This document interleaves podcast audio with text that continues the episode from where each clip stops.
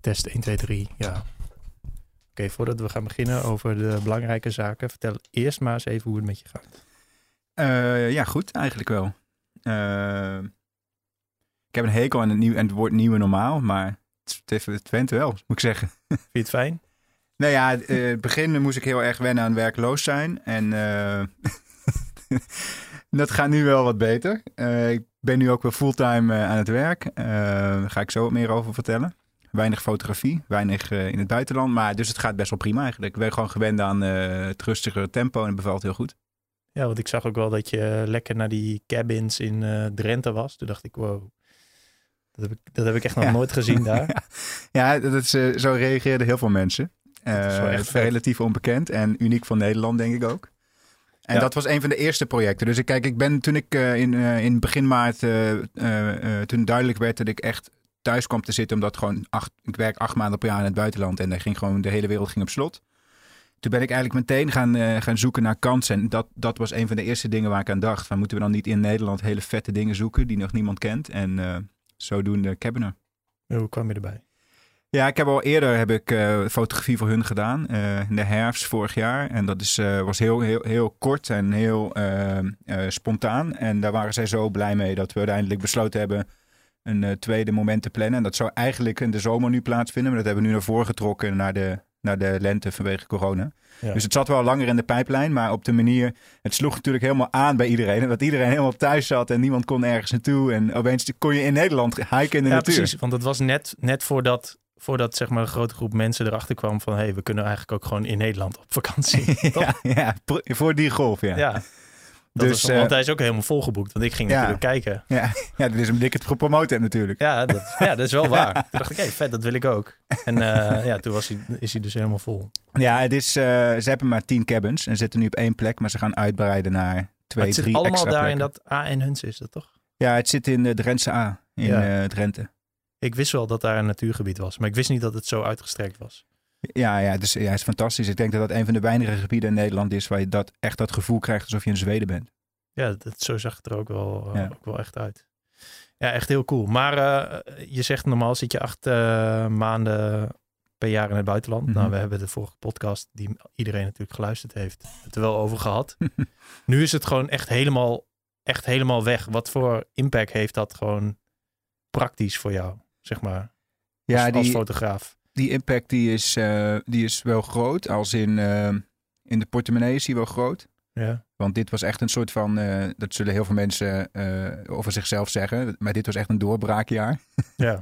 Eigenlijk is elk jaar een doorbraakjaar. Nee, maar dit was echt een doorbraakjaar. Ik had hele grote projecten gepland waar ik jarenlang aan gewerkt heb. En uh, waar niet alleen inkomsten uit zouden komen, wat ook, maar wat ook voor mijn naam heel goed zou zijn. Dus het was echt een kanteljaar in mijn carrière, tenminste zo leek het. Dus daar, ja, het was in het begin wel even wennen om, de, om te accepteren dat er gewoon niet door één project, maar door tien projecten in streep ging. Dat was al vrij snel duidelijk. Voor de, in ieder geval voor de rest van dit jaar. En nu zijn de eerste uh, cancellations voor het begin van het volgend jaar al bekend. Ja, dat is ook al echt. Dus ja, dat is pijnlijk. En uh, als ik één ding in het verleden geleerd heb, is om dan toch direct jezelf te dwingen om naar mogelijkheden te zoeken. Mm -hmm. En dat was niet makkelijk. Uh, het is niet zo dat je je businessmodel als fotograaf van de een op de andere dag om kan draaien. Dus ik doe gewoon weinig binnenlands werk. En de camera zit altijd in de tas als ik in Nederland ben. Ik kom daar niet vaak uit. Dus het is, uh, voor mij lag de, lagen de kansen wat meer in uh, spreken over wat ik doe. Uh, waar we het zo meteen over gaan hebben. Mm -hmm. op, op zoek gaan naar nieuwe klanten in Nederland. Dus ik kom met bestaande werk. En bestaande klanten kon ik helemaal niks. Dus in het begin was wel even paniek, paniekvoetbal. En dat duurde even zes weken. En uiteindelijk, als je dan gewoon je er toch maar bij neerlegt. En ik heb altijd geroepen, dat is wel grappig trouwens. Ik heb altijd geroepen, als ik nou nooit meer kan fotograferen, kan ik altijd nog in de kroeg werken. dus dat ben je nu gaan doen? Nee, maar de, oh, nee, de kroeg waren ook dicht, joh. Ja. ja. wel een beetje open, toch? Ja, nu inmiddels wel. Maar uh, dus het uh, noodplan kon ook niet meteen geactiveerd worden. Nu nee. was de nood ook niet zo hoog aan de man. Uh, ik had wel wat geld gespaard. Maar we zijn gewoon nog simpeler gaan leven en goed gaan nadenken. En toen anderhalve maand, twee maanden verder, hadden we een soort van plannetje bedacht. Mm -hmm. En daar ben ik mee begonnen. En dat gaat nu eigenlijk best wel goed. Uh, ik denk dat als je ook leert vertrouwen dat dingen goed komen. Ga meteen de diepte in. Ja. Dan, uh, dan komen zijn, ze ook wel We zijn al bijna vijf minuten bezig. Precies. nee, maar dan komt het ook goed. Dat, is wel, dat, dat heb ik echt geleerd. En dat is de afgelopen vijf, zes maanden corona weer gebleken. Ja, maar jij valt mij ook wel altijd op als iemand die blijft uh, dingen maken en initiatieven ontplooien. En je, je hebt altijd weer iets wat je dan weer hebt bedacht waar, waar je je schouders onder zet en wat je aan het doen bent. Dat vind ik altijd wel mooi. Dan denk ik, oh, zit je weer hier? Ben je weer dit aan het doen? Ben, heb je dit, eh, maak je, en ook de stories die je maakt, ja, daar zit vet veel werk in, zeg maar. Dit is, het is de hele tijd put in the work, zeg maar. Wat je... Ja, ik kan ook moeilijk stilzitten. Het zit gewoon in de aard van het beestje, denk ik. En, uh, voor een fotograaf wel moeilijk, denk ik. Ja, dat is wel moeilijk. Dat brengt ook uh, best wel veel uh, druk met zich mee. Maar op zich kan ik er nu wel goed mee omgaan. En ik vind het gewoon lekker om bezig te zijn. Niet zozeer op de korte termijn, maar ook met lange termijn projecten. Mm -hmm. uh, en ik, ja, kijk, het, bedoel, je kunt niet meer reizen, maar de community aan mensen die je volgt, die blijft natuurlijk wel gewoon actief. En Ja. die blijven geïnteresseerd in wat je doet. En als je juist dat in een ander licht kan plaatsen door bijvoorbeeld binnen Nederland iets uitdagends te doen, dan denk ik dat je die mensen nog meer eh, aan je, op de een of andere manier aan je kan binden. Mhm. Omdat je ook aantoont dat je in wat mindere tijden eh, kan blijven leveren. Ja, dat klopt. Alleen, wat is dan zeg maar nu wat je voor de komende periode hebt bedacht, wat je gaat doen? Omdat je, je wat je zegt, begin volgend jaar zijn er ook alweer dingen geannuleerd. Ja. Als ik naar mezelf kijk en dan is het gewoon voor, voor plezier eh, reizen, zeg maar. Zit ik ook echt te twijfelen van, oké, januari, februari, maart. Ik weet echt helemaal niks wat open Ja. is, waar ik naartoe kan. De kans is echt groot dat het gewoon helemaal niks wordt tot die Ja. tijd. En voor jou is het business. Ja, eh, het is, eh, op, oh, ik moet zeggen dat ik me nog geen minuut verveeld heb deze hele pandemie. Dus het, het, is gewoon zoveel werk, alleen be- weinig betaald werk nu. Mhm. Dus het is ook een lekker moment om gewoon even eh, rommel op te ruimen. En Ik heb een hele, mijn hele data storage systeem heb ik thuis gewoon twee maanden lang ingericht. Daar was ik al jaren was ik daar naar uit het kijken dat ik daar ooit een keer de tijd voor zou hebben. Dat je, dat duurt gewoon twee maanden. Toen waren dat twee maanden, waren we twee maanden verder. Eh, maar ik ben bijvoorbeeld ook meteen een campagne, heb ik een campagne geïnitieerd en bedacht rondom boswachters in Nederland. Die, die zijn we nu in het schieten, samen met Staatsbosbeheer, met Swarovski verrekijkers en met Camera nu. Dus een soort van driehoek. Die hebben we in elkaar gelijmd en we maken ik maak portretten en vertel verhalen over boswachters. Dat is een soort van de laatste boswachters die echt nog in het bos wonen in Nederland. Mhm. Dat is een project. Vet. Een ander project is, eh, wat ik zojuist vertelde, eh Cabinet hebben we meteen opgepakt. Dat was, eh, dat was ook wel wat voorbereiding en wat uitvoering. Eh, en ik ben meteen in de slag gegaan met fundraising. En ik moet zeggen dat ik nu ook wel de tijd heb geaccepteerd. Ik heb gewoon geaccepteerd dat ik de tijd eh, nu beter kon gebruiken om verhaallijnen voor misschien 2021, 2022 voor te bereiden. Dat dat dan wel staat. Dat als Ja. zo meteen de wereld weer open gaat, dat het meer plug and play is. Ja. Dus ja, ik heb echt geen. eh, er, komt geen er gaat geen dag voorbij dat ik denk van eh, ik heb niks te doen. Zijn er dingen uitgesteld? Want Je, je zei dat sommige dingen zijn geannuleerd dit jaar, die, eh, die grote projecten. Mhm. Bijvoorbeeld de een daarvan was toch die, die Jaguar, dat ding in Brazilië, in het Pantanal. Ja, ja, er zijn. Ik had eigenlijk had ik twee grote projecten voor dit jaar. kan ik er niet al te veel over vertellen, maar ik kan wel de bestemmingen toelichten. Eén groot project zou plaatsvinden in Patagonië. Daar heb ik ja, bijna twee jaar aan gewerkt. Eigenlijk sinds mijn vorige reis naar Patagonië. En ik wilde nog dieper die cultuur in, die gaucho-cultuur. En da- dat, is een, dat is een groot project. En dat was gepland voor september, oktober dit jaar. Nou, vanzelfsprekend wordt dat nu een jaar verschoven en misschien zelfs wel twee jaar. Dat, Mhm. dat weet niemand. Dus eh, dat is een voorbeeld. En een ander voorbeeld is, ik zou naar Iran gaan. Eh, voor een, eh, daar kan ik ook niet te veel over vertellen, helaas. Maar dat is nu vooruitgeschoven naar maart. En dat kan elk jaar een, een half, dat kan elke keer een half jaar verschoven worden. Oh ja. Dus, dus Ja. op zich, dat zijn voorbeelden van projecten waar heel veel tijd en voorbereiding in zit, die verplaatst kunnen worden, omdat het eigen werk is. Maar bijvoorbeeld commercieel werk, zoals die reis naar Pantanal in Brazilië. eh, of eigenlijk alle werk wat ik met Natural World Safaris doe. Maar ook alle werk wat ik voor Remote Expeditions doe. Waar ik mee in Siberië ben geweest afgelopen eh, februari. En waar ik dit jaar mee naar Ladakh zou gaan. Naar Botswana en weer terug naar Siberië. Dat is allemaal gecanceld. En ook alle... is ook, is ook geen nieuwe datum voor. Nee, ja, dat soort. Nou ja, kijk, als, als, als ZZP'er eh, zonder personeel en zonder vaste kosten komen wij, kom ik er nog goed vanaf. Maar dat soort bedrijven die zitten zo in de. Ja, dit is ja, de reisbranche. Dus het is een Ja, puinhoop. Dus, drama, dus de ja. pijn zit eigenlijk meer daar dan dat die bij mij zit. Dus ik vind het meer sneu voor, voor dat soort bedrijven. Ik bedoel, zo'n bedrijf als Natural World Safaris, die het hele businessmodel draait op exclusieve safari-reizen. Ja, Ja. Dat, ja, zeg maar, die hebben 30 man personeel in dienst. Die hebben mega overhead. Daar gaat geen reis meer de komende 12 maanden. Nee. Dus ja, dus dat betekent dat mijn, mijn paar reizen die ik met hun doe er ook uitgingen. En dat is dan vervelend, maar dat kun je, kan ik nog wel opvangen. Uh, met weinig kosten en weinig lasten. Mm -hmm. uh, en die kun je dan wel verplaatsen naar volgend jaar, maar niemand weet uh, wat er gaat gebeuren. Dus dat soort reizen staan, dat staat allemaal on hold. En ook al mijn commerciële werk. Dus commerciële klanten waar ik dit, dit, jaar projecten voor zou doen, die waar ik niet zoveel over communiceer op Instagram. Mm -hmm. Maar waar je wel geld mee verdient, wat je kan doorinvesteren in eigen opdrachten, zoals Patagonië of Iran. Ja. Uh, dus het businessmodel zakt dan gewoon in elkaar. ja, je, precies. Dan, ga je, dan gaat je eigen werk opeens je eigen geld kosten. Ja, precies. Want het ene valt weg en daardoor kun je het ja. andere ook niet doen. Ja. Dus zo schuift alles. En als, dat, als je dan, kijk, wat ik altijd tegen mensen zeg, is als ik zou weten wat de einddatum zou zijn, al zou dat 2021 ergens worden, wat het waarschijnlijk gaat worden, dan kun je daar wel een beetje meer op instellen. Maar het schuift natuurlijk de hele tijd. Ja. Ja, maar dat is, het, dat is de, het vervelende aan uh, op iemand of op iets wachten. Is vaak niet als je, wanneer je weet wanneer het komt, zeg maar. Ja. Ja, het, is, het is ja. alleen vervelend als, als je niet weet wanneer diegene er is. Of het, wat, wat, er, wat er moet gaan gebeuren wanneer het komt. Dat is het vervelende van wachten altijd. en, en, dat, dat is met dit, nu gebeurt. dit net zo. Ja. En eigenlijk is dat, nou ja, voor jou is het al helemaal vervelend. Omdat het allerlei projecten zijn. Want heel vaak heb jij denk ik dit project daar. Oké, okay, dan kan ik even, dan kan ik weer even thuis zijn en dan kan ik dan ja. dat project doen. Maar niks ja. is niks nee. is zeker nu, zeg maar. Nee, ja, ja, ja. En ik doe gewoon, uh, als ik nou veel werk in Nederland had gehad, wat ik uh, on hold kon zetten of alsnog kon uitvoeren, dan was de pijn wat minder geweest. Maar ja, ik heb ook al één ding geleerd en dat is dat je je risico ook wel moet spreiden. Ja. Zeker met het oog op dat dit waarschijnlijk niet de laatste, de laatste virus zal zijn wat, uh, nee, wat onze, onze kant op komt. Dus uh, in de toekomst denk ik dat, je, dat, dat iedere, iedereen die, uh, die nu hard geraakt is, wel beter moet gaan nadenken over hoe je geografisch, hoe je dat allemaal inricht. Hoe afhankelijk, als je, en dat zie je nu ook in Afrika bijvoorbeeld. Dat hele continent is zo afhankelijk van internationaal toerisme. Mm Mhm. -hmm. En lokaal toerisme is zo, maar zo'n klein deel van de inkomsten in, in dat hele continent. Dat dat, dat breekt gewoon de pleuris uit. Er komt Ja. gewoon geen geld meer binnen. Maar er is wel een klein lichtpuntje toch? Dat het, wordt, dat het een beetje wordt ontdekt dat Ja, het ja, überhaupt dat kan. Zeg maar. zeker waar. Dus Dus- bijvoorbeeld in Tanzania en Kenia. Hoe, die, Tanzania is trouwens wel gewoon open, toch?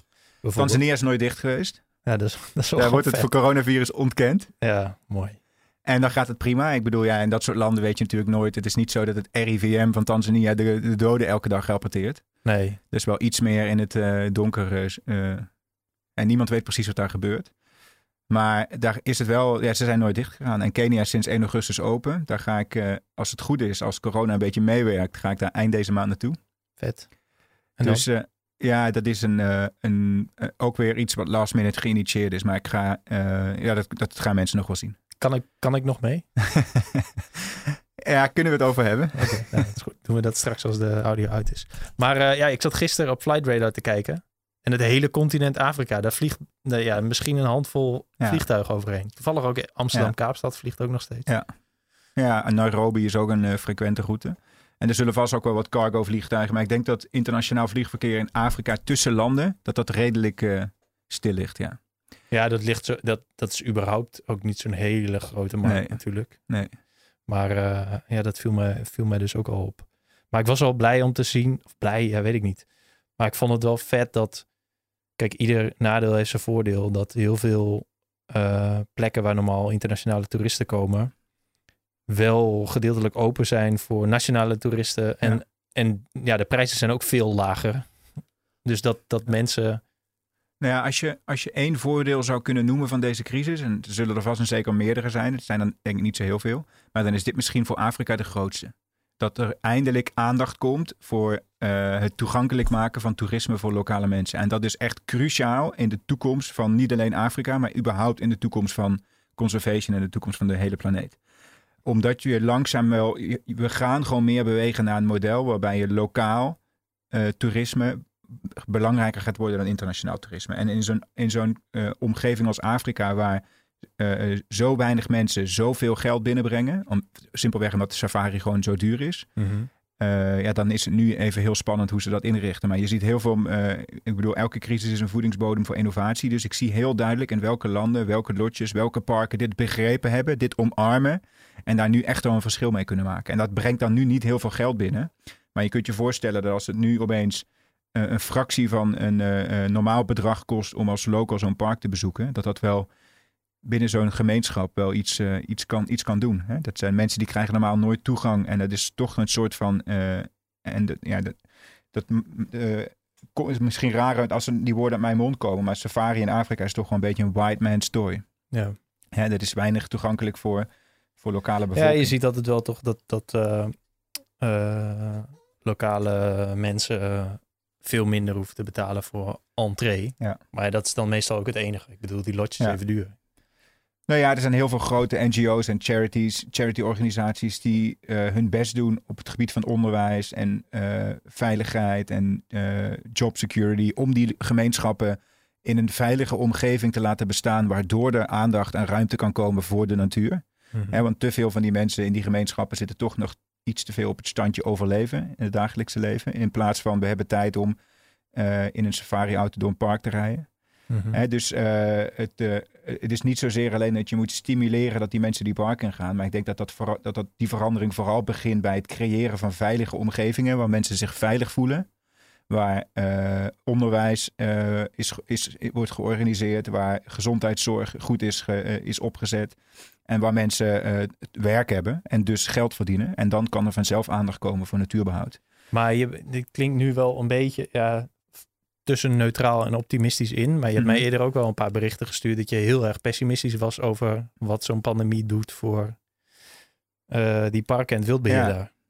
Dat is, dat is ook de Nee, reden ja, waarom je die fundraiser hebt opgezet. Ja, nee, ik, ik denk dat de nadelen op dit moment wel groter zijn dan de voordelen. Mhm. En wat je ziet is op het moment dat eh, een, eh, zo'n cruciale inkomstenstroom als toerisme wegvalt, eh, eh, ja, dan is er gewoon, dan, dan, dan komen er gewoon, de werkloosheid schiet omhoog, mensen komen thuis te zitten. Eh, en in zo'n omgeving is dat vaak direct eh, gelinkt aan geen geld meer hebben om, e- om te kunnen eten. Hè, Mhm. Dus werkloosheid in Nederland is dan nog steeds een vangnet. Daar- In dat soort gebieden is gewoon geen vangnet. Mensen hebben ook geen spaargeld. Dus als het inkomen wegvalt van het hoofd van een familie of het hoofd van een gemeenschap. In Nederland zijn er drie, vier, vijf mensen verantwo- eh, afhankelijk van zo'n inkomen. In Afrika kunnen dat soms, eh, stel een ranger die werkt in een park. En dan kunnen daar zomaar 20, 30 mensen afhankelijk zijn van dat ene salaris. Mhm. En, en dan is er geen spaargeld. Dus op het moment dat zo'n salaris wegvalt, dan raken gewoon direct mensen in directe eh, eh, voeding, voedselnood. En wat er dan gebeurt, is dat er of teruggegrepen wordt naar eh, stroperij of naar illegale boskap. Eh, of naar de criminaliteit. eh, en mensen moeten toch eten en de monden moeten gevoed. En dat is wat er gebeurt op het moment dat er eh, een internationale stop komt op vliegverkeer. Op het moment dat er geen inkomen, inkomensstromen vanuit toerisme meer zijn, dan is dit direct het gevolg. Mhm. Dus dat zijn de nadelen. En de voordelen, die, ja, die, die moeten dan ook wel genoemd worden. Maar dat is wat we net besproken hebben. Dat mensen wel de kans krijgen om die park in te gaan. Maar die zijn marginaal versus de nadelen. Welke landen of welke plekken doen het goed? Kun je concrete voorbeelden geven? Eh, en waar gaat het bijvoorbeeld niet goed? Nee, ja, kijk, je ziet dat... eh, het rapporteren... Ik ben geen viroloog of zo. Of ik ben geen Afrika... eh, een beetje Afrika-kenner. Maar eh, het rapporteren van cijfers verschilt ook heel erg per land.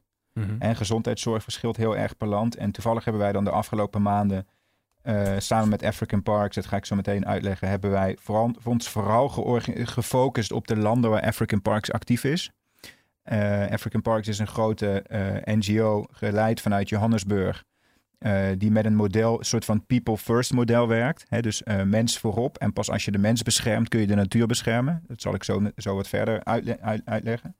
En volgens dat model zijn zij actief in 18 parken in 11 landen op ongeveer 15 miljoen hectare. Dus ze hebben een hele grote geografische spreiding. En zij zitten vooral in de kwetsbare hoeken van Afrika. Dus dan moet je denken aan Congo en Centraal-Afrikaanse Republiek, Malawi, Tjaad. eh, gebieden waar tot voor kort of nog steeds conflicten, eh, conflicten zijn. Hè, Congo is, eh, is een van de grootste con- conflictgebieden op dit moment van heel Afrika. En daar zijn zij actief niet alleen met het runnen van toerisme, maar ook met het in beheer hebben van national parks. En dat doen ze samen met lokale overheden. Mhm. Dus wij hebben ons vooral de afgelopen maanden verdiept in die kwetsbare gebieden. En daar heerst wel een heel ander gevoel en een andere trend dan in de wat bekendere gebieden. eh, Namibië, Botswana, Zuid-Afrika, Zimbabwe. Dat zijn wat meer de, de, de, de, de, bekendere safari-landen.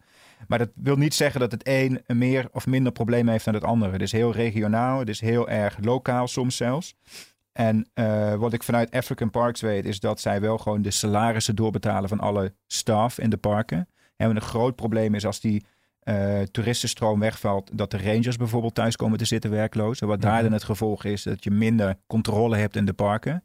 En dan ook nog een keer het ontbreken van toerisme betekent helemaal geen ogen en oren meer in die parken. En dan, dat betekent eigenlijk een soort van vrijbrief voor stropers om dan weer die parken in te trekken. Ja, want wat je eigenlijk, dat, dat heeft die ranger toen ons ook uitgelegd, begin dit jaar notabene nog in, uh, in Kruger.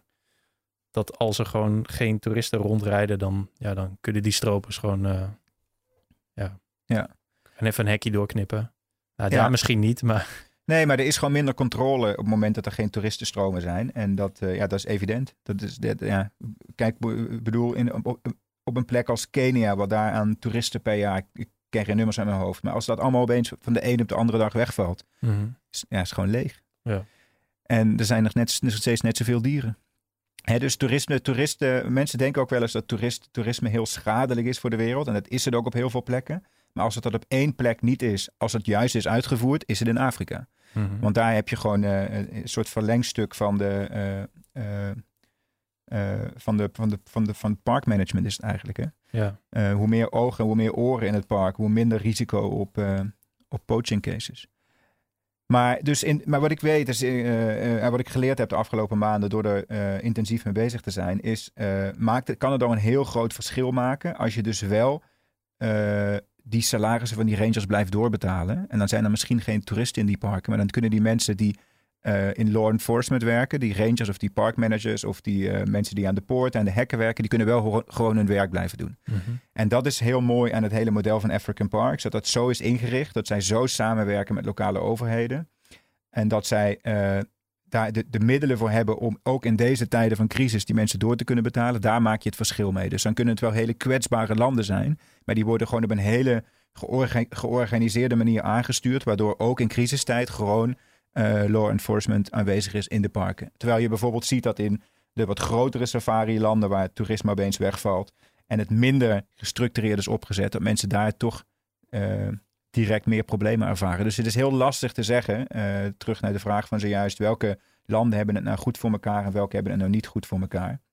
Ik hoorde vanochtend dat de olifantenpopulatie in Amboseli met 5% gestegen is versus vorig jaar. Dus dat soort, ding, dat soort dingen gebeuren. Waar is Amboseli?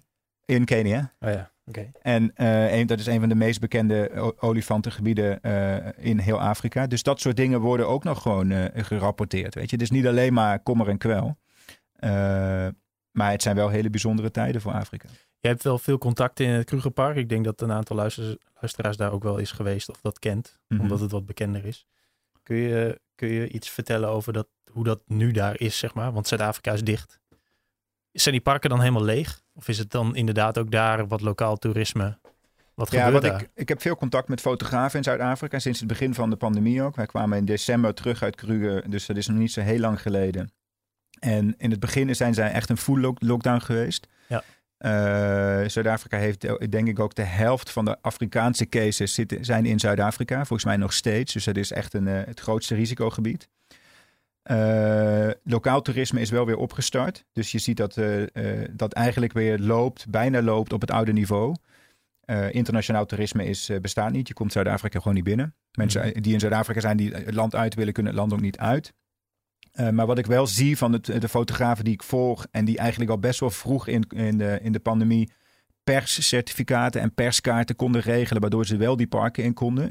Enerzijds omdat ze natuurlijk wilden blijven werken, maar anderzijds omdat ze ook de verantwoordelijkheid voelden eh, om die ogen en die oren te kunnen zijn. dus die heb ik nu de afgelopen maanden gevolgd en die heb ik uh, af en toe gesproken. En het is inderdaad heel erg leeg in die parken. wat natuurlijk een unieke kans is om, om interessante verhalen te vertellen. Uh, maar wat wel heel. Kijk, men, mensen zeggen wel eens dat in sommige gebieden in Afrika één, jaar aan, één jaar aan het ontbreken van toerisme je 30, 40 jaar terug in de tijd kan werpen op het gebied van conservation. Dus wat je, iets wat je in 30, 40 jaar lang hebt opgebouwd, een soort gemeenschappelijk gevoel van lokale mensen en internationale organisaties die samen de verantwoordelijkheid dragen om, de, om voor natuurbehoud, dat dat nu helemaal kan instorten en dat je weer helemaal terug naar het begin gaat. Maar komt dat dan door dierenpopulaties die verminderen of door uh, vertrouwen in die hele branche? Dat mensen dat, nou ja, dat goede krachten wegtrekken uit die branche of zo? Het, uh, om, het, het, het model om het inclusieve model om de lokale gemeenschap en de lokale bevolking ervan te overtuigen dat het belangrijker is om de natuur te beschermen in plaats van hem leeg te stropen of uh, weg te kappen. Mm Ja, dat duurt gewoon heel erg lang. Dit is gewoon een soort mindset en dat is, ja, het is heel moeilijk om daar. Ja, het is niet zo dat je dat overnight uh, kan repareren. Dus die mensen die zijn jarenlang, decennia lang uh, door, door goed beleid, hoe moet ik dat zeggen? Betrokken bij uh, het bouwen van zo'n national park of het bouwen van een uh, conservancy of van een reservaat. En dat valt nu gewoon helemaal weg. Ja, oké, dus het vertrouwen is weg, zeg maar. Dat, ja. Dat ze, nee, ja, je kunt wel tegen ze zeggen van dit is goed, maar ja, als ze er niks aan hebben, dan... Ja, ja. Of bedoel je dat niet? Ja, ik weet, ik, ik, uh, ik weet niet wat er psychologisch allemaal speelt. Maar wat ik wel weet is dat als jij van, als je, vanuit jouw achtergrond je niet gewend bent dat er mensen vanuit Europa binnenkomen en jou zomaar even vertellen wat, wat er met jouw land gaat gebeuren. En dat je dan vervolgens na decennia lang toch bereid bent om, om met die mensen samen, uh, om in ieder geval iets van ze aan te nemen. En dan nu vervolgens weer terug in de armoede wordt gedrukt omdat het toerisme wegvalt. En dan kan ik voor, me voorstellen dat dat wel psychologisch iets met je doet. Ja, precies. En dat is op individueel niveau, op gemeenschappelijk niveau, uh, op regionaal niveau. Dus ja, dat zijn wel hele grote, complexe vraagstukken. Ja, ik, ik, ik weet niet waar, uh, waar het heen gaat qua toekomst. En hoe komt dan die fundraiser tot stand? Nou, uh, ja, ik, ik had. Uh, kijk, als, als natuurfotograaf uh, vind ik dat je een morele verplichting hebt om iets terug te doen. Je, uh, elke natuurfotograaf, het volledige businessmodel is de natuur. Mm -hmm. En als er één ding op dit moment in hoog tempo verdwijnt, is het de natuur. En daarmee dus je businessmodel. Mm -hmm. En, ik, en is niet zozeer om, uh, om, omdat ik dit nu heb opgezet en ik me daarmee boven de rest probeer te verheffen. Maar ik vind dat er te weinig fotografen iets teruggeven.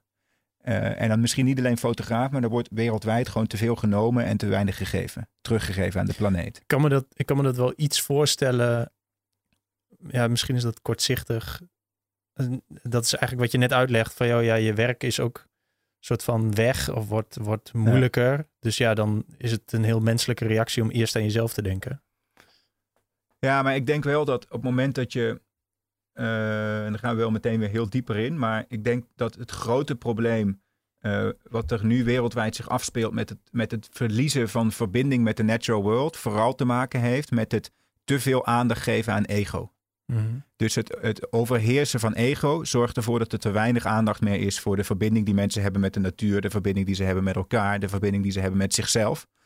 En dat zie je heel erg veel op heel veel plekken, niet alleen in Afrika, maar dat herken ik overal om me heen. Dat de, die, die ego boost, dat alleen maar met jezelf bezig zijn, alleen maar aan jezelf denken, dat dat juist heel destructief is voor, voor, voor de rest. Mm en dat ligt ten grondslag, denk ik, aan het eh, feit dat we nu in hoog tempo zoveel en dieren verliezen en natuurgebieden. En, dus ja, ik, ik heb altijd al een soort van de, eh, een droom, of ja, een droom klinkt altijd zo. Uh, nou, dus, ik heb altijd wel een droom gehad om iets, te, om uh, uh, echt iets terug, iets groots terug te doen. Mm -hmm. En toen ik thuis kwam te zitten en ik eenmaal na een paar weken geaccepteerd had dat dit wel eens heel lang zou kunnen duren en het naast me neergelegd had en ik probeerde mezelf te dwingen om in kansen te denken toen kwam dit idee boven van, wacht eens even, ik wil dit eigenlijk wel heel lang. Is dit dan niet de kans? Weet je, moet ik dan, is dat dit dan niet de roeping? En moet ik dan deze pandemie niet gebruiken om eh, gewoon radicaal de andere kant op te bewegen? En ik had de tijd om handen. Eh, ik, ik, had geen werk. Uh, ik, financieel had, was er wel. Ja, het was heel pijnlijk wat er gebeurde, maar ik kon het nog gewoon een paar maanden uitzingen. Dus dit voelde als een soort van the right time to do it. -hmm. En toen raakte ik in gesprek met Marion. En Marion is een fotograaf uit uh, Oostenrijk. En uh, wij hadden een soort gesprek zoals ik nu met jou heb. Over wat is nou echt de impact. Je hoorde in het begin van corona vooral heel veel mensen zeggen. Ja, het is top voor de planeet. Uh, dieren hebben weer ruimte. De planeet. Oh ja, nature is healing. Dat was Precies, precies. En wolven in de stad en beren. Oh, ja, dat soort dingen. En dus, dus, zo begon ons gesprek ook van, is het is really healing? Weet je, of wat gebeurt er eigenlijk allemaal in Afrika? En zo spraken we met elkaar. En toen kwamen we er eigenlijk vrij snel achter in april dat wat wij net besproken hebben, dat de impact gewoon desastreus is. En toen zeiden we tegen elkaar, oké, dan gaan we nu dan gaan we nu gewoon iets opzetten. En dan kijken we wel, wel, waar het schip stroomt. Uh, we hebben in, wanneer was dat? In januari dit jaar. Ja, de bush, bushfires in Australië. Mm Daar was ook een vergelijkbare campagne opgezet via social media. Weliswaar kleiner dan wat wij nu gedaan hebben, maar heel effectief. En daar heb ik toen echt met bewondering naar gekeken. En toen heb ik gedacht, als ik nou ooit een keer de kans krijg om dit op het gebied van wildlife te doen, dan, uh, dan pak ik die kans. En dat gebeurde dus uh, drie maanden later. En we hebben eigenlijk hetzelfde soort van hetzelfde model als hun. Uh, eigenlijk is het gewoon. Ja, het is niet heel moeilijk wat we doen. We verkopen gewoon prints en het geld gaat 100% van de opbrengsten gaat naar, naar Afrika. Alleen de truc zit er denk ik wel in dat je. kijk, je kunt je voorstellen dat wij werken nu inmiddels met 120 fotografen. internationale wildlife fotografen, natuurfotografen. En die zijn allemaal hun business, hun business kwijtgeraakt. Mm dus het was, het was niet makkelijk om aan mensen die, net zoals ik, eigenlijk geen geld meer verdienen en daar ook heel weinig uitzicht op hebben, om, wanneer dat weer wanneer op, wanneer oppakt, om die te vragen om beelden te doneren voor het goede doel. Dat was op zich, in het begin dacht ik wel van oké, we gaan het gewoon proberen. Maar als iemand zegt nee, dan, dan begrijp ik dat ook wel, weet je. Ja. En niemand zei nee. En iedereen, echt iedereen zei ja. En mensen zeiden niet alleen ja, mensen zeiden oké, ik vind dit zo vet. Ik ga nu alle fotografen die ik ken hier ook over bellen. En overtuigen dat ze moeten meedoen.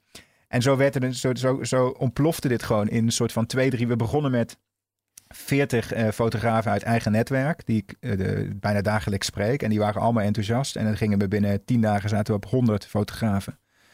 En het ging echt als een soort van uh, chain eh, reaction. We gingen door de hele natuurfotografenwereld. Van klein tot groot. De grootste namen op aarde. Tot klein opkomend talent uit Rwanda, Botswana, Kenia. Dus het is een hele mooie mix. En iedereen wilde meedoen.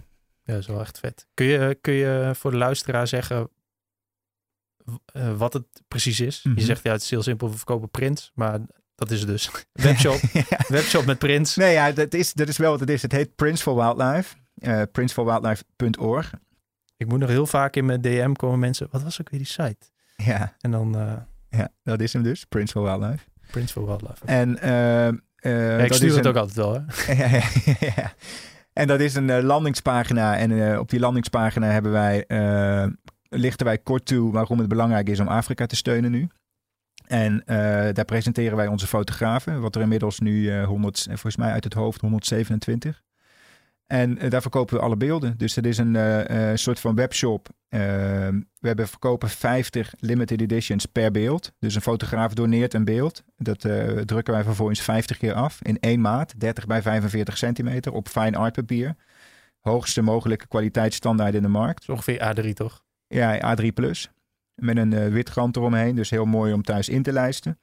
En uh, dat zijn limited editions van 50. En als, als ze op zijn, zijn ze op. En dan vragen we diezelfde fotograaf of hij nog een beeld wil, wil, wil, wil publiceren. En sommigen zeggen dan ja, sommigen zeggen dan ik wil er nog drie doen. Ja. Dus ja, en, dat is, dus, en zo, zo het, groei, het groeide eigenlijk met, we doen, e, we doen 40 fotografen, één beeld per fotograaf en op is op. Mm -hmm. En een snelle berekening uh, hadden, zouden we dan, hadden we een ton mee kunnen ophalen. Maar omdat dit zo een, uh, een soort kettingreactie werd, uh, hebben we zaten we bij, ja, zitten we nu bijna op 500.000 eh, dollar opgehaald. In drie weken. En we hebben nog één week te gaan. Gaat het nog steeds zo hard? Ja, nou ja, de, de, het begin uh, was natuurlijk mindblowing. Het begin was een soort van, uh, ja, echt, het, het, ging helemaal viraal. Ja. Het was gewoon, het was echt ongekend. En uh, we draaiden dagen van 60, 70.000 dollar per dag in het begin. Dit ja, dat is echt serieus, serieus veel geld. Als een print, print kost 100 dollar.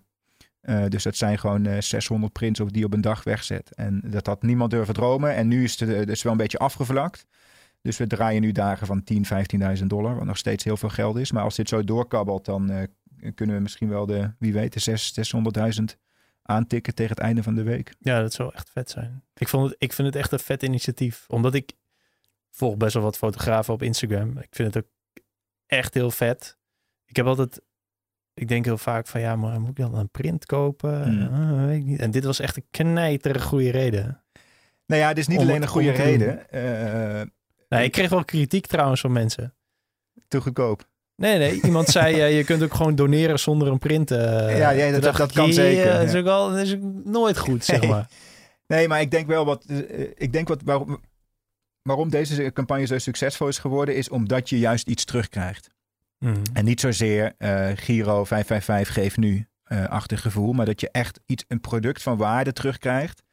Uh, ja, wat... maar het is een herinnering. Het hoeft niet per se. Kijk, ik heb een print besteld van zo'n zwarte panter. Ik weet niet wat het officiële mm -hmm. woord, woord ervoor is. Zwarte van, panter. hoe heet ja. die? die Sjaas. Sjaas, ja. ja. Die jij mij getipt hebt op Instagram, wat echt ja. fantastisch is. Kippenvel video's altijd. Ja. Maar, en het heeft niets te maken met Afrika, want ze komen niet uit Afrika. Maar nee. het is wel weer, het is wel een herinnering die je hebt ja. van oké, okay, dit is omdat ik heb gedoneerd aan puntje puntje en dat vond ik belangrijk, ja. want zus en zo. Dus dat, is, dat is echt vet. Echt ja, en het is heel benaderbaar. Kijk, er zitten fotografen tussen, uh, grote internationale bekende wildlife fotografen, die verkopen nooit werk voor 100 dollar, nooit. Dat begint bij 2,5, bij sommigen bij 5000. Dus het is, een, het is enerzijds een unieke kans voor, uh, voor mensen om werk van grote fotografen in een, uh, uh, voor een toch wel acceptabele prijs te kopen. Ik begrijp dat 100 dollar niet voor iedereen weinig geld is, maar in de wildlife markt is dit echt goedkoop. En anderzijds biedt het ook een kans voor jong talent om hun werk voor het eerst aan een groot publiek te laten zien. Hmm. He, dus het mes snijdt echt aan twee kanten. Ja, kanten. Cool, ja. En ja, het, het, het, klinkt heel geniaal, maar het is niet zo heel geniaal. Want het is gewoon 100 fotografen, die, 100 plus fotografen die bij elkaar komen en hun werk doneren voor charity. Mm -hmm. Ik bedoel, dat is wel eens eerder gedaan. Alleen de reden waarom de, ik denk dat dit nu zo viral is gegaan, is gewoon dat gemeenschappelijke, die community spirit die erin zat vanaf dag één. De energie die dit uitstraalde. En ook wel de noodzaak die het heeft richting Afrika. Maar misschien wel het allermooiste. En ik denk dat dat echt mensen geraakt heeft. Is het feit dat gewoon mensen die ook allemaal hun werk zijn kwijtgeraakt. toch gezamenlijk opstaan en zeggen: Het maakt me niet uit. Hier heb je 50 van mijn beelden. Ja. Waar ik ook zelf 50 keer 100 dollar of meer mee kan verdienen. Maar dat, dat, dat maakt nu niet uit. Nee. En, en dat, dat, die spirit en die, uh, die energie die vanaf dag één in deze campagne heeft gezeten. Dat hebben we heel goed over de bühne gekregen naar de buitenwereld toe. En dat heeft mensen gewoon meteen gegrepen. Ik wil hier onderdeel van zijn. Ik wil deze Instagram-account volgen. Ik wil zo'n beeld kopen. Ik wil mijn vrienden vertellen dat ze beelden moeten kopen. Sommige mensen die, die orderen, plaatsen vijf orders. Omdat elke keer als wij een nieuwe badge releasen, er weer iets tussen zit wat ze moeten hebben. Ja, dat kan ik me wel voorstellen. En dan voegen wij de orders samen en dan sturen we het samen op. Weet je, Ja. dus ja.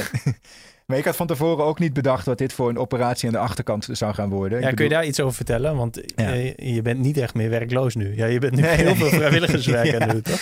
Nee, maar ik, eh, dit is heel corny en cheesy als ik dat zeg, maar ik moet het wel zeggen. Maar ik, dit is echt het vetste en het meest voldoende, voldoeningsgevende project dat ik ooit gedaan heb.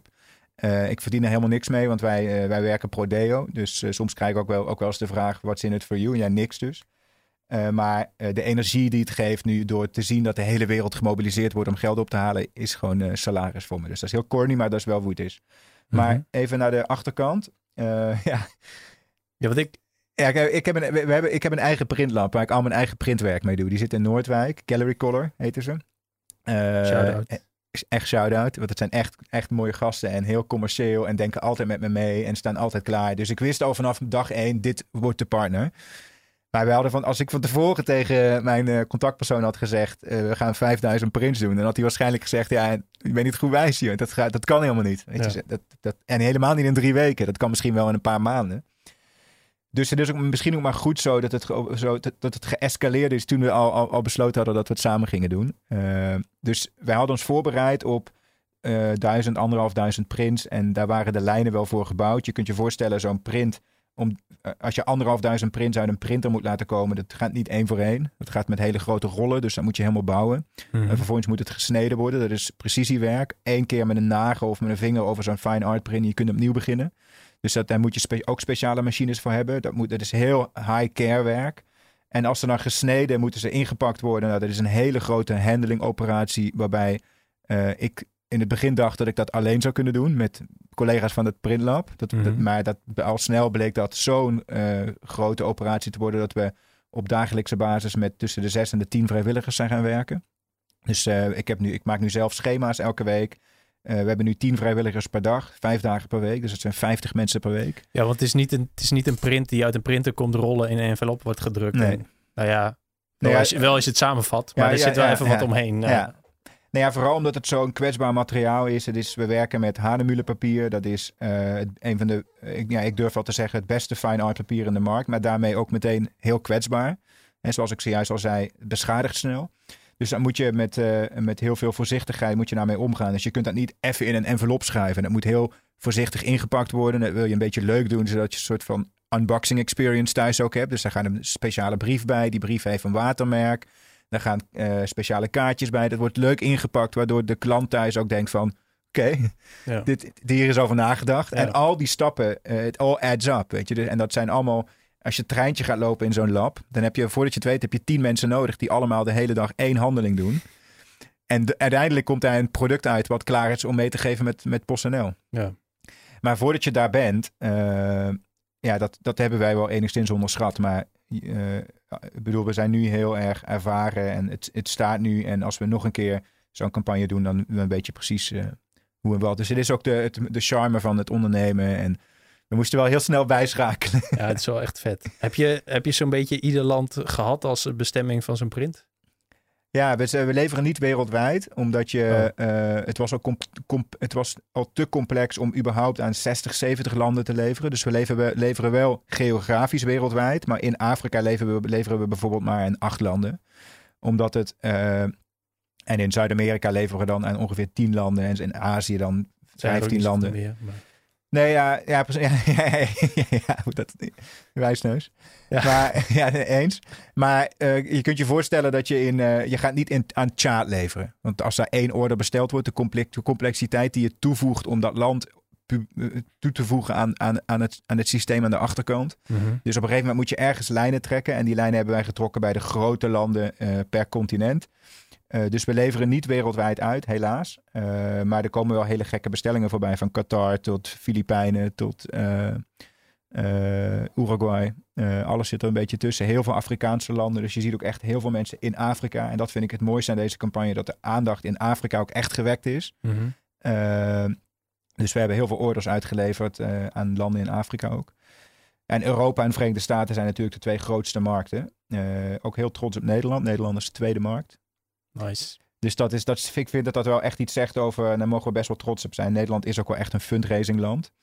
Uh, dit zit ook aan het DNA, denk ik. zijn hele ook wel bereisde, bereisde, die bereisde Nederlanders, die willen altijd wel een printje van Afrika thuis.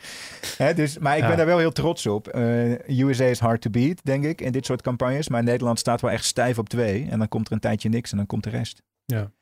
En dat denk, ik denk niet dat dat alleen aan mijzelf ligt hoor. Het feit dat ik uit Nederland kom, dat ligt er echt aan dat Nederlanders gewoon een, een, een bovengemiddelde interesse hierin hebben. Ja, het is wel echt vet om te zien. Ja. Dat normaal gesproken vinden Nederlanders vooral elkaar een beetje chagrijnige mensen die, ja. uh, die nukkig zijn. Ja. Maar ze trekken wel vaak portemonneetje. Ja, dat doen ze echt goed. En ik ben daar echt verbaasd van de orde groot. Dus er zijn gewoon Nederlanders die uh, uh, 15, 20, 25 prints. Het komt echt vaak voorbij hoor. Echt? ja. Ja. Oh. Ja. En we hebben nog wel grotere orders gehad. Van mensen die echt uh, uh, tientallen prints bestellen. Oh, dat is wel echt cool. Maar ja. Kijk, ja, wat is het dan? Gaan ze dan daar... Ja, verzamelaars of het zijn gewoon filantropen of het uh, zijn donoren van African Parks. het zijn gewoon mensen die echt, die, die normaal al veel geld en conservation geven, maar nu opeens iets heel vets ervoor terugkrijgen. Ja. En daardoor nog meer getriggerd worden. Oké, dan koop ik gewoon veel. Ja, wel echt cool. Dus ja, het, ben, je, ben je niet uh, um, wantrouwend? Dan, dan denk je van, oh, misschien gaan ze wel doorverkopen. Nee. of zo? Nee. Zoiets? Nee, nee, ja, veel succes. Ja. Nee, prima, ja. ja. precies. Helemaal prima. Als, uh, als ik een order zie binnenkomen van iemand die 20 prints bestelt, dan uh, kan ik alleen maar positieve dingen, dingen bedenken. Ja, dat is wel echt cool. Ik kan, me, ik kan me wel een beetje indenken hoe dat is, zeg maar, als ik een, uh, als ik mijn eigen boekjes verkoop, zeg maar. En dan wordt een order geplaatst. Voor iedere order ben ik, zeg maar, ja, heel blij, zeg maar, dat iemand het vertrouwen ja. ja. ik vind het heel bijzonder nog steeds uh, dat mensen toch bereid zijn om 100 dollar neer te leggen in deze gekke tijden. Ja, nee, dat bedoel ik, zeg maar. Want ja, je krijgt weliswaar echt een vette print. Ik ben echt heel blij mee uh, met mijn print. Um, maar ja, het is nog steeds 100 dollar ja. voor een papier. En dat is veel geld, ja. Ja, ja het, is, het is echt veel geld. Ja. Ik ja, kun je ook, ja, ik, kun andere dingen mee kopen. Nee, helemaal mee eens. Uh, alleen denk ik dat er geen enkele fundraiser is waar je deze kwaliteit op dit moment kunt. Überhaupt is, is die er denk ik nooit geweest. Waarbij je zo'n groot arsenaal aan, aan high quality work. Dit is, dit is de beste fundraiser. Nee, dat, nee, nee, nee, dat zeg ik niet. Maar ik denk wel, Nee, dat, eh, ik denk wel dat de kwaliteit die wij nu bieden heel erg in verhouding staat met de prijs. Ja. En dat dat normaal vele malen duurder is. Ik had het liefst ook aangeboden voor 50 dollar, maar ik had al een paar fotografen die bij 100 dollar zeiden van, yo, eh, Ja. Nee, je weet natuurlijk niet van tevoren wat, wat, eh, de, beste, wat de meeste opbrengst eh, geeft. Want ja, als je voor 50 had aangeboden, misschien. ja. Je weet niet of je dan dubbel zoveel had verkocht. Nou, als ik één ding geleerd heb van mijn verleden in de retail, dan is dat, het, eh, dat je dit soort dingen heel simpel moet houden. Eén prijspunt, één eh, verpakking. Gewoon zo as simple as it gets. Ja, want ik zat nog te denken, want ja, je kunt natuurlijk ook wat grotere print of eh, die, dat andere materiaal wat jij, wat jij ook zelf verkoopt. Ja. Of per opbod, zeg maar. Dat, je, had je ook nog Ja. kunnen doen, al die... Nee, we hebben heel veel. dingen. Dus we hebben ook een, een, QA op de website. Omdat we gewoon heel veel vragen kregen van mensen die zeiden. Wat jij zojuist al benoemde. Ik wil doneren zonder. Ik hoef geen print, ik wil doneren. Maar ook heel veel vragen van mensen die zeiden: Ik wil dit eh, in 2 bij 3 meter. En dat hele bedrag wil ik doneren. Of mensen die zeiden. eh, allemaal, heel veel Ja. rare dingen. En dat uiteindelijk. Als de operatie zo groot wordt dat je. eh, eh, wij krijgen, le- letterlijk gewoon honderden orders per dag. Dan moet je dit soort dingen gaan afstoten. Dan kun je dit niet meer in eigen beheer doen. Mhm. Dus wij hebben gekozen om de focus echt te laten liggen bij het uitleveren van deze 5000 prints in de best mogelijke manier. En alle additionele vragen, die hebben we afgewimpeld naar de fotografen zelf. En dan, Ja. dan verdienen zij ook nog wat. Weet je. Ja, precies. Dat is wel een Eh, dus ja, ja, er zit heel, Het veel muziek, er is heel veel muziek in. Ik zie een tweede editie, ik zie een, ja- een jaarlijks terugkerend evenement, een boek, maar een exhibitie, ik weet het niet. Het is een heel fijne ervaring ook eh, als je op die website bent. Want ja, alles, alles is dezelfde prijs, zeg maar. Dus Ja. je kunt gewoon kiezen wat je het vet vindt. Ja, Ja. En als je er dan twee of drie of twintig vet vindt, dan kan Ja. het ook. En er komt geen korting, zijn, eh, je hoeft niet geen prijzen te vergelijken, alles is dezelfde kwaliteit. Het is Ja. gewoon heel, heel, Dezelfde heel grootte. easy. Ja, alles dezelfde maat. Ja, vet. Maar, maar wat je zegt, het, het duurt nog een week. Dus ik moet zorgen dat deze snel online is, deze podcast. En eh, Ja, nee, geen week. Het duurt, het duurt tot 26 augustus, tot woensdag. het is nu de 21ste. Ja. Maar de groot en dat is wel leuk om te vermelden voor de mensen die, eh, eh, die interesse hebben. De grootste piek die wij verwachten in niet alleen in sales, maar ook in het toevoegen van extra beelden is deze zondag. Dus wij gaan nu zondag gaan we 40 plus nieuwe beelden toevoegen. Normaal doen we twee batches per week. Op donderdag en op zondag hebben we een nieuwe launch. En dan is het vaak 10, 15 beelden. Maar we hebben nu eh, één grote batch gecreëerd van 40 plus en misschien zelfs nog wel meer. Die tegelijk online gaat morgen om drie uur morgenmiddag. Oké, Dus dan, moet ik, zondag dan moet ik om- dus zorgen, want wanneer mensen dit voor het eerst kunnen luisteren, is denk ik die zondag. Dus nou, dan kun je dat direct kijken. Dan kun je direct kijken. En ik denk eh, om dan meteen ook even nog wat meer eh, eh, druk. Nog de. Princeforwildlife.org, ja? Nee, precies. Maar ik denk ook dat heel veel prints snel gaan uitverkopen. En dat zeg ik niet om. eh, eh, het is geen marketingpraatje, maar dat, dat, dat leert de ervaring. Na een launch, de beste 10 per launch, die gaan er gewoon eigenlijk binnen 24 uur zijn. ja, die bij mij, die, die ik eh, kocht, er waren er nog vier van toen ik hem kocht, Ja. volgens mij. Dus, Ja. ja, En toen hadden we nog een count op de website. Die heb ik eraf gehaald. Oh, ja. Dus slim. mensen kunnen nu helemaal niet meer zien hoeveel er nog over zijn. Wel een beetje, ja, dat hebben, hebben die commerciële printers natuurlijk tegen jou gezegd. ja, ja, dan ja, moet je ja. dat zo doen. Ja. Hey, maar, eh, en, en daarna, dan is het gewoon over. Nee, ja, eh, het zou. Kijk, de community die inmiddels gebouwd is rond Prince for Wildlife, wat eigenlijk bijna, eh, ik wil niet zeggen een merk, maar wat wel echt iets van mensen is gaan betekenen. Mensen die er al drie weken volgen en elke dag nieuwe beelden zien komen, nieuwe verhalen. Die zijn zich wel echt gaan binden hieraan, denk ik. Dus het zou zonde zijn om die hele community dood te verklaren op 26 augustus. Ja, dat lijkt me ook, ja. Dus wij gaan daar wel, eh, we hebben wel plannen, nog niet concreet. Eh, we gaan denk ik eerst even op vakantie. In ieder geval, dat is, dat is, wat, dat is wat ik ga doen. Eh, want de afgelopen maanden was wel hectisch. Maar we komen wel met, er komt een vervolg. En wat ik zojuist al zei, of dat dan een jaarlijks terugkerend evenement wordt, of misschien gaan we wel flash sales doen. Mhm. Of misschien gaan we het wel tijdelijk licensen dat we regionale edities krijgen. Ik weet dat er heel veel gebieden zijn wereldwijd waar mensen oor hebben om misschien een, eh, nou ik noem het even, een India-editie op te zetten. Mhm. Eh, of een eh, Patagonië-editie of whatsoever. Dus misschien dat dat een vervolg wordt. Of misschien houden we het wel echt helemaal in eigen beheer. En komen we volgend jaar met een nog groter evenement terug. Misschien hoor je wel een tijdje even niks. Ik weet het niet. Ja. We zijn nu het kijken naar de mogelijkheden. Maar het zou zonde zijn. Het enige wat er niet gaat gebeuren is dat we het helemaal eh doodverklaren. En this was it. Het idee is om er op het hoogtepunt uit te gaan. Dus vandaar dat we zometeen met de grootste En misschien wel de beste batch tot nu toe komen. en dan going out with a bang. En dan hopelijk dat mensen ook nieuwsgierig blijven naar wat what's next. Echt vet. En het belangrijkste natuurlijk, het geld dat is opgehaald. Wat kun je daarmee? Wat kan African Parks daarmee? Ja, dat is een goede vraag. Daar zijn we ook. Uh... Gaat het op de grote hoop? Dat is een beetje. Nee, moet altijd een beetje tastbaar zijn, toch? Voor, voor de mensen. Ja, ja, ja, ja. Nee, dat is, heel, dat is een hele goede vraag. Uh, uh, wat mij namelijk opvalt, is dat het juist vaak niet tastbaar wordt gemaakt. Dat heeft ook redenen. Hè. Heb ik, ook, heb, ik heb veel afgelopen maanden veel geleerd over fundraising. Dus dit geld kunnen wij niet uh, specifiek uh, uh, toekennen aan bepaalde projecten. Maar we gaan wel proberen om mensen wel dat gevoel te geven. Hè? Mm -hmm. Dus het geld gaat inderdaad uh, op, de, op de, het gaat op de grote hoop. En er is ook heel veel geld nodig. Maar waar ik me nu hard voor het maken ben, samen met de mensen van African Parks, is om wel een aantal micro- en macro-projecten uit te lichten. Waar we direct kunnen laten zien: hier gaat jullie geld naartoe. Ja, en dat kunnen we niet tot op de euro nauwkeurig. een half miljoen is uh, is gewoon voor een plek als Afrika uh, heel veel geld, maar op, op, op hetzelfde moment eigenlijk ook een druppel op een groeiende plaat. Mm -hmm. En er is gewoon zoveel meer geld nodig. Maar je kunt je voorstellen dat met een half miljoen uh, je in Afrika heel veel dingen in beweging kunt zetten. En dan kun je denken aan uh, immediate relief op COVID-gerelateerde problematiek. Dus uh, puur op gezondheidszorg en op uh, veiligheid van rangers. En dus daar zal een gedeelte van het geld heen gaan. Om in ieder geval de parken actief te kunnen houden. Maar ook een heel groot gedeelte van het geld gaat naar lange termijn projecten. Naar educatie, naar job security. naar community building. Om die, wat ik zojuist zei, om die veilige plekken te creëren. Waar mensen zich veilig voelen. Zodat er aandacht gaat ontstaan om om die dieren te beschermen. Mhm. En daar is African Parks heel goed in. Uh, dus we verwachten in ieder geval sowieso uh, naar, de, naar het einde van deze campagne toe gaan wij wel echt wat richting geven. Uh, als in dit project X, dit project Y gaan we met jullie geld ondersteunen. Hoe, hoe, hoe is dat contact dan met die organisatie en hoe, welke vinger heeft deze fundraiser dan in de pap? Hoe kun je, die, hoe kun je dat afdwingen?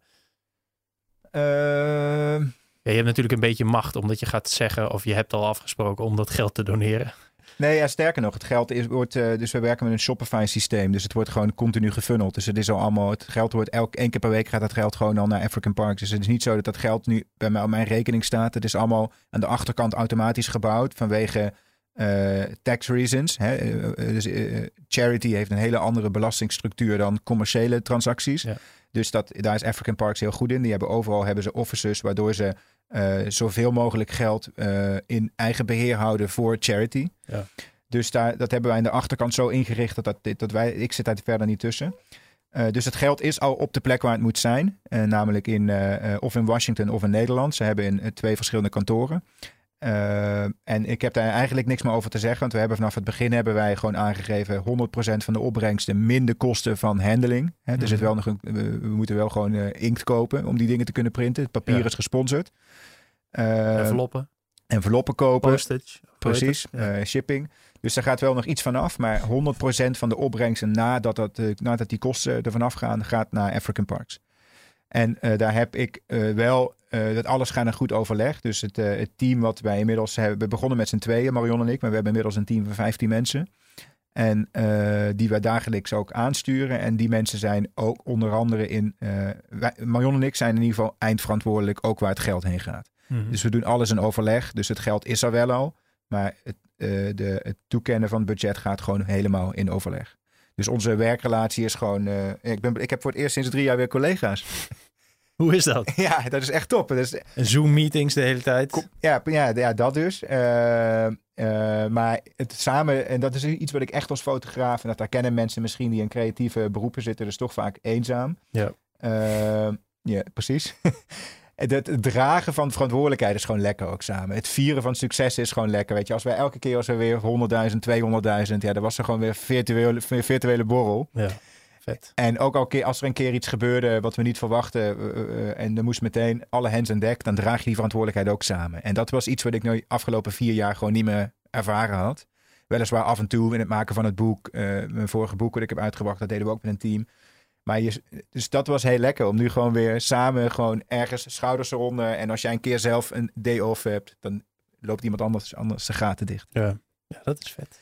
Dus dat was echt dat was heerlijk. Dus het, ja, we zijn gewoon een heel geolied team geworden. En de executie is ook vanuit African Parks super professioneel. Dus we hebben heel veel ondersteuning op content creation. Op, je kunt je voorstellen dat zo'n bedrijf als African Parks databases aan stories heeft die we kunnen vertellen. Over van giraffen relocations tot de rhino conservation projecten tot community building in God knows where.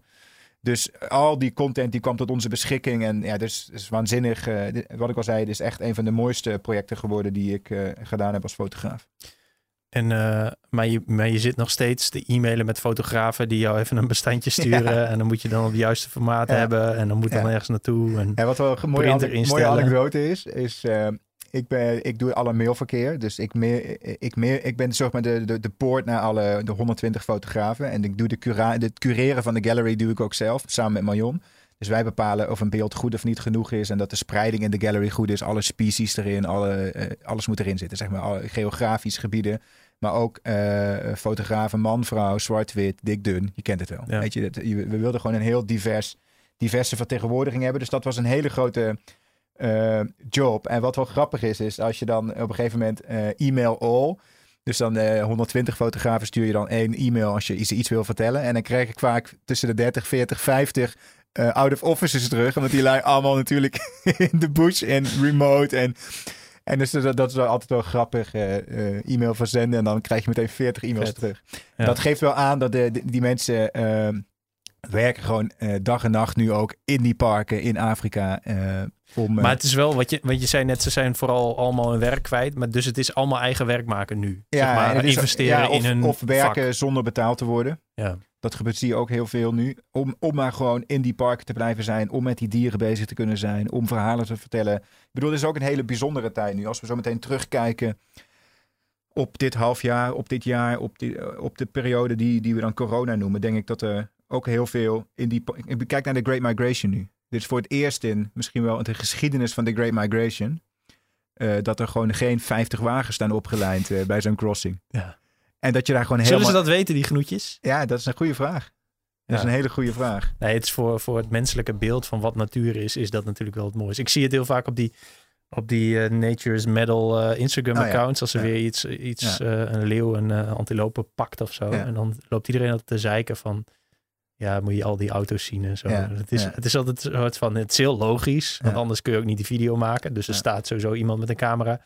Maar het is ook wel weer grappig, zeg maar, dat die tien auto's er zijn. Nou ja, op een plek als Kenia en Tanzania is dat natuurlijk, uh, is wel echt overtoerisme. Maar ik ben bijvoorbeeld uh, in de Okavango-delta geweest in Botswana. En daar waren wij gewoon tien dagen lang de enige auto letterlijk niemand tegengekomen. Dus er zijn nog heel veel plekken in Afrika waar dat toerisme gewoon niet zo aanwezig is. Maar Great Migration is wel een soort van de Bentley onder de safari-trips die je kunt doen. Uh, en dan als het kan er even met een hete luchtballon eroverheen. Weet je, ja, dat, is natuurlijk een hele andere vorm van safari-toerisme dan, uh, dan de Okavango-delta. Maar, dus ja, ik kan niet wachten om, uh, en ik hoop echt dat COVID mee zit, maar ik kan niet wachten om over drie weken die kant op te gaan. De Great Migration is dan echt in full effect. Echt vet. En mensen zeggen dat het misschien wel zo zou kunnen voelen alsof je 40, 50, 60 jaar terug in de tijd gaat. Echt het oude, het oude Afrika. Als je, als je oude boeken leest over ja, verschillende delen van Afrika, bijvoorbeeld of Zuid-Afrika of Kenia of Tanzania en zo, dan, dan je merkt dan wel echt dat hoe wild het toen nog was, zeg maar. Ja. Dat soort dingen. Maar zo'n reis heb ik zelf echt nog nooit gemaakt. Zoals jij, jij, wat je zegt, dat je wel eens echt helemaal off the grid bent. Ja. En uh, een paar dagen lang, uh, dat, dat lijkt me ook echt wel vet. Ja, dan kan ik de Okavango Delta ten zeerste aanbevelen. Ja, dat lijkt me ook, dat lijkt me ook wel echt. Daar ben je echt alleen. En uh, dan slaap je echt tussen de leeuwen en in je tentje. En dan hoor je ze brullen op 100 meter afstand. Dat soort dingen. Kun je mensen die luisteren, behalve dan dat ze vooral een print moeten kopen, omdat de print vet is en omdat ze dan een goed doel supporten, kun je ze nog iets aanraden voor als ze weer kunnen reizen? Hoe, hoe mm moeten ze een, een reis naar natuurgebieden, hoe moeten ze dat aanpakken? Ik weet niet of ik deze vraag de vorige podcast ook al heb gesteld, maar zo'n tijdje geleden. Volgens mij niet. Wat, wat is het, ja, ik weet niet of er een beste manier is om zoiets te doen, maar wat zijn aandachtspunten om ervoor te zorgen dat je ja, een vette reis maakt en dat ook op een duurzame of goede manier doet? Ja. Voor communities daar voor de plek daar. Ja. ja, Er zijn heel veel mooie organisaties. Ik, ik zou vooral, als het gaat om uh, sustainability, duurzaamheid en het willen bijdragen aan lokale cultuur, zou ik vooral afstappen van het hele van de, van pakketreizen. Dat, uh, ik denk dat, en toch zie je wel dat dat veel wordt aangeboden, helemaal in het safari-segment. Dan zie je toch dat heel veel operators, A tot Z, inclusief vluchten, inclusief je wordt opgehaald op het vliegveld en dan ga je naar je hotel en. Dat is wel hoe safari gaat. Ja, maar dat is ook waarschijnlijk toch omdat mensen het spannend vinden. Dus dan ja, ook wel, ja, ook wel omdat het heel, een safari is natuurlijk heel duur. Ja. Uh, en kostendrukkend is wel uh, het makkelijkst als je in, continu in dezelfde flootjes werkt. Ja, en iedereen en, bij elkaar in het busje gedrukt. Ja, ja, ja, zo is het wel. En als je je eigen auto gaat huren en self-drive. En kijk, we hebben dat bijvoorbeeld in. Uh, ik heb het in een paar landen gedaan, in Oeganda en Botswana, self-driving. En het brengt wel, ja, dit is, het brengt risico's met zich mee, maar ook heel veel avontuur. En als je iets wil bijdragen aan de lokale bevolking, is dat wel de manier om het te doen. Om zelf uh, beslagen ten ijs, thuis gewoon je voorbereiding te doen. Ik bedoel, alles is online te vinden. Het is niet mhm. zo dat je je niet voor, kan voorbereiden op. Uh, natuurlijk, als er opeens een olifant voor je wagen staat, daar kun je niet echt op voorbereiden. Maar je kunt precies uitzoeken waar is het hoogwater, waar is het laagwater, kan ik vast komen te zitten, wie moet ik bellen, heb ik een satelliettelefoon nodig, is een daktent veilig, hoeveel eten moet er mee, hoeveel benzine moet er mee, water, hoe warm is het. Dat kun je allemaal van tevoren allemaal uitzoeken, daar kun je mensen over bellen. En dan vervolgens uh, zijn er organisaties, en daar wil ik er wel een paar van noemen, omdat ik die heel hoog heb zitten. Een organisatie bijvoorbeeld die heet Better Places. Die uh, werken volgens een model dat ze lokale uh, specialisten gebruiken als soort van tip- en raadgevers in het bouwen en bouwen van, van reizen. Mhm. Dus je gaat, stel je voor je gaat met hun naar Cuba, dan ga je echt met een Cubaanse local uit Havana op pad. En die, en, en die wordt ook betaald. Dus die, wordt, en die is inclusief in het verdienmodel. Dus niet alle geld gaat naar TUI of naar whatever, uh, maar juist naar die lokale mensen. Mhm. En uh, Better Places is een organisatie die dat wereldwijd doet. Dus niet alleen in Cuba, maar ook in heel veel Afrikaanse landen en, en, en in Azië. Uh, en zo zijn er nog een aantal organisaties. Dus zoek, zoek Google gewoon eens op sustainable travel en uh, verdiep je in uh, hoe je kan bijdragen aan, aan lokale communities. Ik vond wat je, nou ik denk al bijna in het begin van de podcast zegt, dat dat wel een mooi advies. Dat het nu vooral om ego gaat. Dus om het fotootje van jezelf met een olifant. Maar dat je dat juist achterwege moet laten. En en misschien nog wel moet afvragen van oké, hoe draag ik dus bij aan die mensen daar? Of aan, het, aan de plek daar? Ja, ja, ja, toerisme heeft nooit meer onder druk gestaan dan nu. En dan niet alleen door de pandemie, maar ook precies door dat gedachtegoed, dat ego-gedachtegoed. De zelf, hele selfie-cultuur. Het feit dat mensen zelf iets willen meemaken, zelf iets willen ervaren, zonder daadwerkelijk iets achter te laten of iets mee te nemen. Uh, dus ik vind dat wel echt een terechte vraag. En ik heb er ook niet echt meteen een antwoord op. Maar ik denk... het, is ook vet moeilijk, omdat het ook zelf vet is om dat soort dingen mee te maken. Ja, maar je kunt wel, kijk, op, op een moment, en ik werk als fotograaf, niet alleen in Afrika, maar ook met heel veel, uh, uh, in heel veel tribal communities wereldwijd, uh, al jarenlang. En wat ik daar echt geleerd heb, is dat als je je ego durft, durft en kan, het is ook echt een, een kwestie van durven. Want het is gewoon, je moet kwetsbaar durven zijn om je ego los te laten. Dat is volgens mij de meest pure vorm van kwetsbaarheid. En als je dat doet, pas dan kom je echt bij die mensen in zo'n cultuur binnen. En pas dan kun je echt op zoek gaan naar uh, hoe anders of hoe, hoe, hoe, hoeveel lijken we op elkaar of hoeveel, hoe verschillen we van elkaar. Mm -hmm. En helemaal in dat soort uh, uh, complexe culturen als, als bijvoorbeeld Papua of Siberië of Patagonië, Himalaya. Er zijn heel veel communities waar ik de afgelopen jaren geweest ben, waar ik ook echt geleerd heb om dat hele ego-gevoel gewoon aan de kant te zetten. Dat het niet om jou draait en om de foto's die jij maakt en om de plaatjes die jij mee terugneemt, maar dat je ook gewoon dat je daarheen gaat voor hun. En dat je op zoek gaat naar de exchange en wat je van elkaar kan leren. En dat je ook gewoon vooral heel erg geïnteresseerd bent in waarom mensen zijn wie ze zijn en waarom ze doen wat ze doen. Ja. In plaats van quick in, quick out, uh, next. Ja, goed punt. Ja, dat is, dat is moeilijk. Ja, ik, ik, ben ook van mening dat toerisme in heel veel gevallen juist bijdraagt aan uh, de uh, afbrokkeling van dat soort culturen. Dat, zie, dat heb ik overal zien gebeuren. Maar de verhalen moeten toch ook. Het ene van, je kunt het ook niet laten gebeuren. Het is een heel moeilijk, het is een grijs gebied, snap je? Maar het is, je wil de verhalen een paradox. Ja, het is, het is echt een paradox, ja. Want het beste is dat er geen toerisme is, want dan blijft het bestaan. Sterker nog, dan ja. blijft het beter bestaan. ja. ja.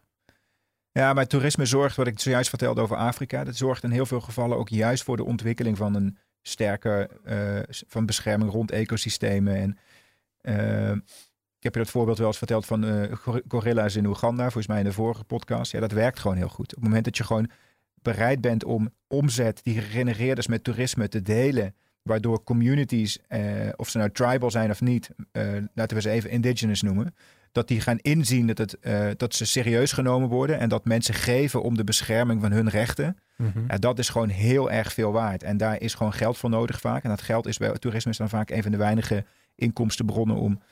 Kijk, je ziet ook heel vaak tegenwoordig dat er te veel uh, uh, violation of indigenous rights. Ik weet even niet hoe je dan in het Nederlands zegt, maar dat die rechten van de oorspronkelijke bewoners van gebieden heel vaak geschonden worden onder de vlag conservation. Mhm. Dus er komen er een paar ridders binnen uh, en die planten zo'n vlag in zo'n park. Uh, private landowners, die, die, kopen hele stukken land en dan moeten al die oorspronkelijke bewoners er maar ervan af. Want die mogen dan niet meer met, eh, even, ik sla even heel plat, maar die mogen dan niet meer uh, met speren op dieren jagen. Want, dat is, want dan sterven de dieren uit. Ja, precies. Maar vervolgens wordt er next door wordt er een hunting farm gebouwd. Uh, en uh, kijk, wat een van de mooiste voorbeelden is, is in de Amazone. Daar zie je nu heel veel uh, aandacht is er voor uh, houtkap. En dat wordt gedaan door uh, de lo lokale bevolking. Maar ondertussen zitten mensen wel thuis met een gouden ring om hun vinger te eten aan een teakhouten tafel. en overal, snap je wat ik bedoel? Dus de producten worden wel uit de Amazone gehaald en dat is helemaal prima. Maar is OW als een, als een een zaag het bos in loopt, het is zo'n doorstep om een boompje om te zagen, om iets van geld te verdienen, om nog überhaupt zijn kinderen te kunnen voeden. Het is complex, hè? Het is heel complex. En dat wordt altijd maar weggeschreven als uh, die illegale houtkap, die boeren, die farmers, die cattle en la la la. Maar ondertussen zitten we hier gewoon dikke biefstukken te vreten aan uit de tafels. Dat kan toch niet? Waar, waar, waar gaat het dan fout? Weet je? En dat gebeurt ook in Afrika. Er wordt heel erg gewezen naar die Afrikanen, die bevolkingsgroei. En dat moet geremd worden. En, maar uiteindelijk zit het, de as van het kwaad is toch echt de westerse wereld. En het feit dat hier zoveel comfort is en zoveel welvaart. Wat is de oplossing? Of is dat een ja, niet een andere podcast. Nee, ja, en misschien is dat sowieso een, een, paar andere podcasts, een hele serie. Nee, ik denk dat inkomens, uh, nu klink ik heel oud en wijs en dat ben ik helemaal niet, maar ik denk dat inkomensnivellering de oplossing is. Bevolkingsgroei is niet af te remmen. We gaan gewoon met z'n allen naar 11, 12 miljard, maar inkomenswelvaartsnivellering is de oplossing.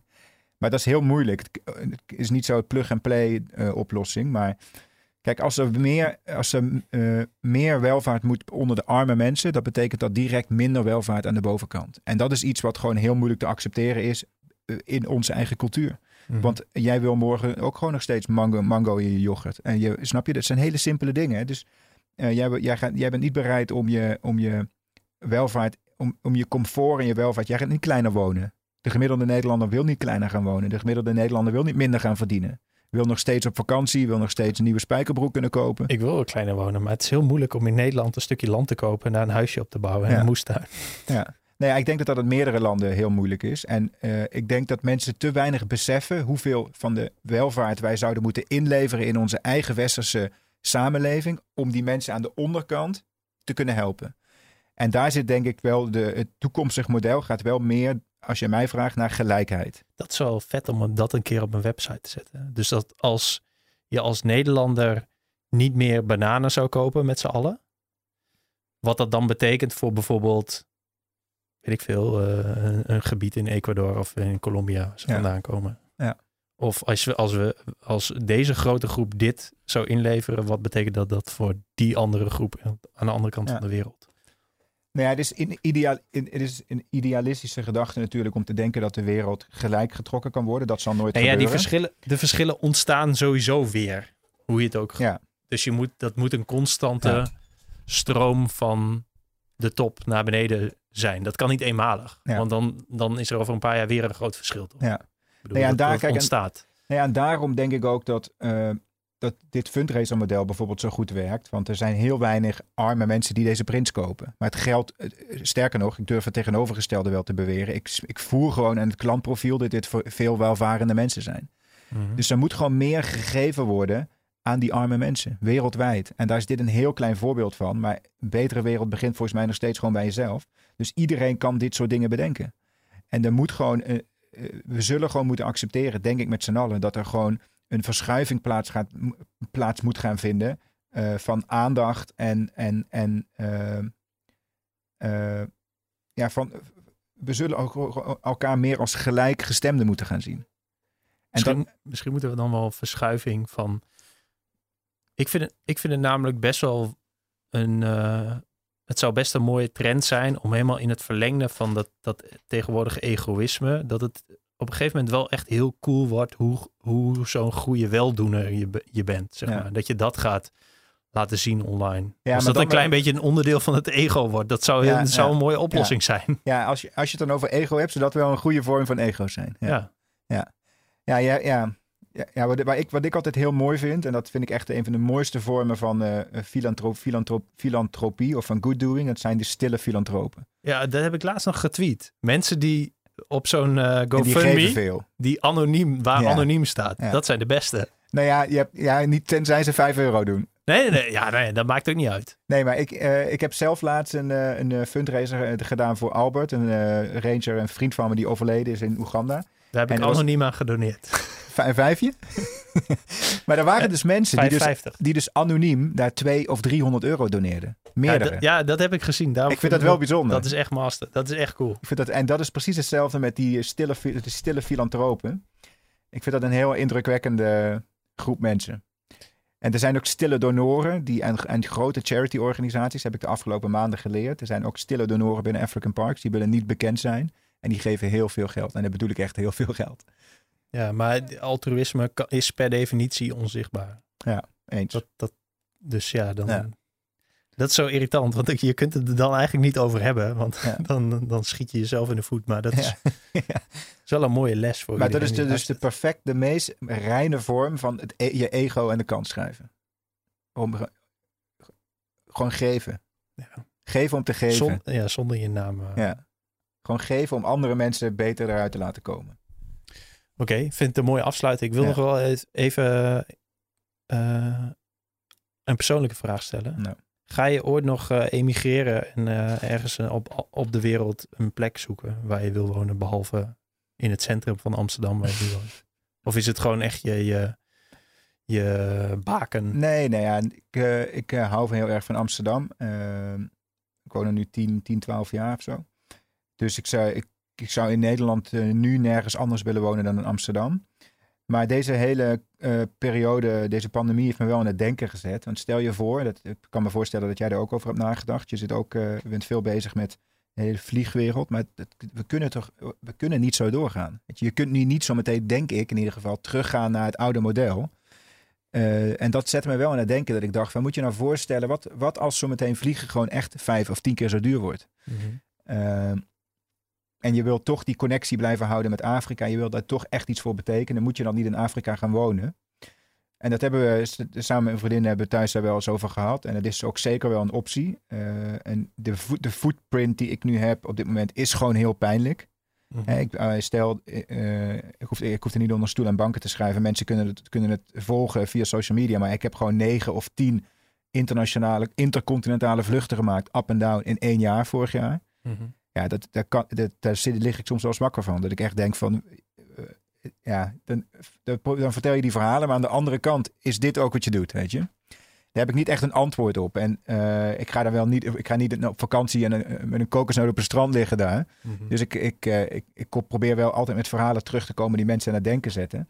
Maar voor mij zou dat echt een reden zijn om te emigreren. Misschien wel de enige reden, omdat ik me niet, bijna niet kan voorstellen dat ik zonder vrienden en familie het heel lang zou volhouden in Afrika. En ik ben wel echt een, uh, wat, dat betreft, wat dat betreft wel, ik hou heel erg van, van mijn familie en vrienden. Mhm. Ik zou dat niet snel uh, overboord gooien uh, voor, voor een carrière. maar ik kan me wel voorstellen dat dat in de toekomst een reden zou zijn dat als, als, de, als die wereld echt zo gaat veranderen zoals ik denk dat die gaat veranderen, dat we dan misschien toch naar een meer lokale vorm moeten en dan moet je maar in het buitenland gaan wonen. Ja, ik denk daar hetzelfde over omdat ik, ik het, het contact met de aarde en de natuur vind ik het komt bij mij, dat is ook misschien een beetje ego, het beste tot zijn recht in bijvoorbeeld Zuid-Afrika of bijvoorbeeld in een of andere tropische omgeving. Ja.